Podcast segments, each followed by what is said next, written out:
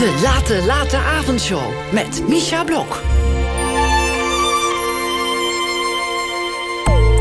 We gaan het hebben over podcast. Want uh, ja, ik zei het al aan het begin. Ik heb jou naar een podcast laten luisteren.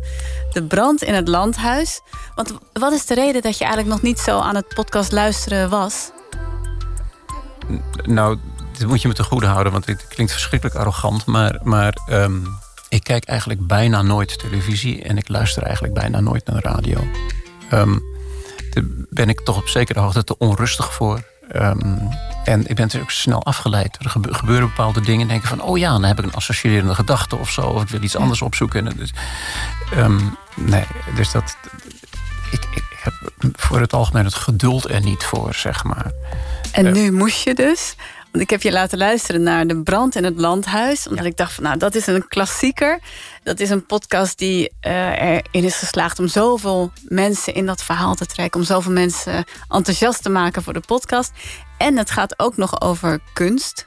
Over een... Uh, oh, eigenlijk meer kunsthandel, niet een kunstenaar. Maar ik dacht, misschien heb jij wel wat met die kunstwereld... omdat je ook zelf een kunstenaar bent. um, toen je de beschrijving las, dacht je toen meteen van... Uh, hier heb ik zin in? Nee, dat dacht ik niet. weet, je, weet je wat gek is? Ik, ik had aan, um, uh, aan jouw regie had ik al verteld over dat geluidsfragment van Inspector Lewis. Ja. En ik dacht, omdat dit dus een, een soort podcast is die gaat over het proberen de waarheid van die brand in, in, in dat uh, kasteel ja. um, te achterhalen, dat dit ook zo'n soort van detective, zo hoe done it. Een fictie. Ja, dat het daar, daar, iets mee te maken zou hebben. Dus van hoe, hoe spelen we dat uit? Um, ik, ik, ik vond een, ja, ik heb het wel, wel beluisterd, maar een buitengewoon vreemd.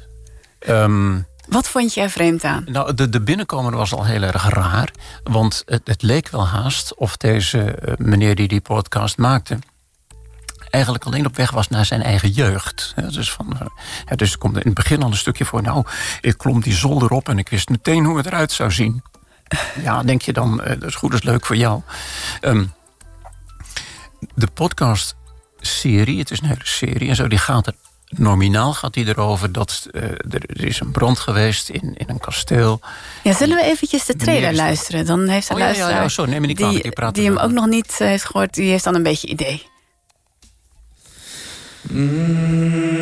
Op 7 december 2003 breekt er brand uit in het landhuis Sionsburg in het Brabantse dorp Vught. Een enorme knal af. Ewald Margraf, de laatste bewoner van het pand, overleeft dit niet.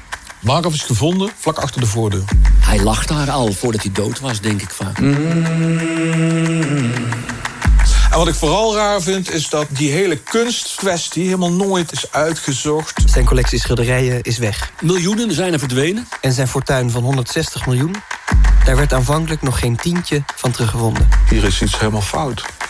Ik ben Simon Heijmans en dit is De Brand in het Landhuis.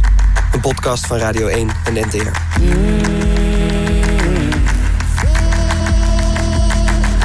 Dat meen je? Ja, ja, ja, ja, ja, ja. ja, ja. Dat was de trailer. Ja, en um, omdat het zo. Het, het, zij zou dus eigenlijk gaan, deze podcast, de journalist die erachter komen van wat is er nu werkelijk gebeurd? En op welke manier is die arme meneer Margraf aan, zijn einde gekomen? Zijn hond is er ook bij omgekomen. Hartstikke zielig. Um, en ik kwam al snel tot de conclusie van er klopt hier iets niet. Want als je een onderzoeksjournalist bent, is het allereerste wat je gaat doen... is kijken wat er in het dossier staat. Van wat, wat heeft de politie gezegd enzovoort. En er komt ergens in die allereerste uitzending al voor... dat iemand, ik weet niet of, meer precies of het deze vent zelf was... of iemand anders zegt van, er is daar nooit onderzoek naar gedaan. Nou, sorry hoor, maar daar geloof ik dus geen bied van. er, er, gaat een compleet kasteel gaat in vlammen op. Uh, een, een, een, de eigenaar daarvan komt om het leven. En daar wordt er geen onderzoek naar gedaan. Daar geloof ik dus geen woord van. Um, en het, als je luistert naar die uitzending... is het in feite gewoon aan één schakeling van achterklap. Want hij gaat op bezoek bij mensen in, in dat dorp. En dan zegt een van die mevrouwen die, die daar aan de deur uh, spreekt... en zegt van ja, ik heb die man nooit gekend. Maar ja, was een hele knorrige man, hoor. Dit is citaat, hè? Dan denk ik van ja, zeg, doe mij een lol. Als je hem nooit ontmoet hebt, hoe weet je dan uit eigen ervaring dat het een knorrige man was? Dus een Speculeren. Heel veel speculatie en rare dingen. En toen achteraf kwam, kwam uh, Charlotte, mijn, vrouw, die kwam erachter. Want die zoekt altijd dingen op op het web en zo. Ehm, die kwam erachter dat dit uh, hele zaakje gewoon verkeerd was die, die uh, stichting die het nalatenschap van die arme overleden meneer beheert, die heeft een klacht ingediend um, bij de makers van deze, van deze serie podcast. En zegt van, dit is gewoon klopt niet, dat mogen jullie niet doen. En ze hebben door het stof moeten gaan. Ze hebben inderdaad moeten, ja, dat was geen goede journalistiek. Ze, geen hoor en wederhoor. En dat is allemaal dingen uit de dikke duim gezogen. En allemaal mensen die, die maar wat zeiden voor de microfoon, die zijn gewoon aan het woord gelaten. Ik heb het verder niet uitgeplozen.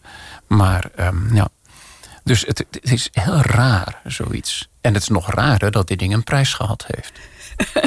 en heel veel luisteraars. Ja. Heel veel uh, Ik moet je ook zeggen waarom ik, dat, waarom ik dit achteraf gesproken toch vrij ernstig vind. Um, er is op dit moment zoveel schade die maatschappelijk wordt aangericht door alle mogelijke complottheorieën en uit de dikke duim gezogen flauwekul en graancirkels en weet ik het wat wel niet voor onzin. Um, je moet daar ontzettend mee oppassen. Uh, dat, als je het doet als, als uh, satire, dat is best, want iedereen weet uh, dat het is satire. Maar om iets als onderzoek te presenteren terwijl het dat eigenlijk niet is, dat vind ik heel bedenkelijk.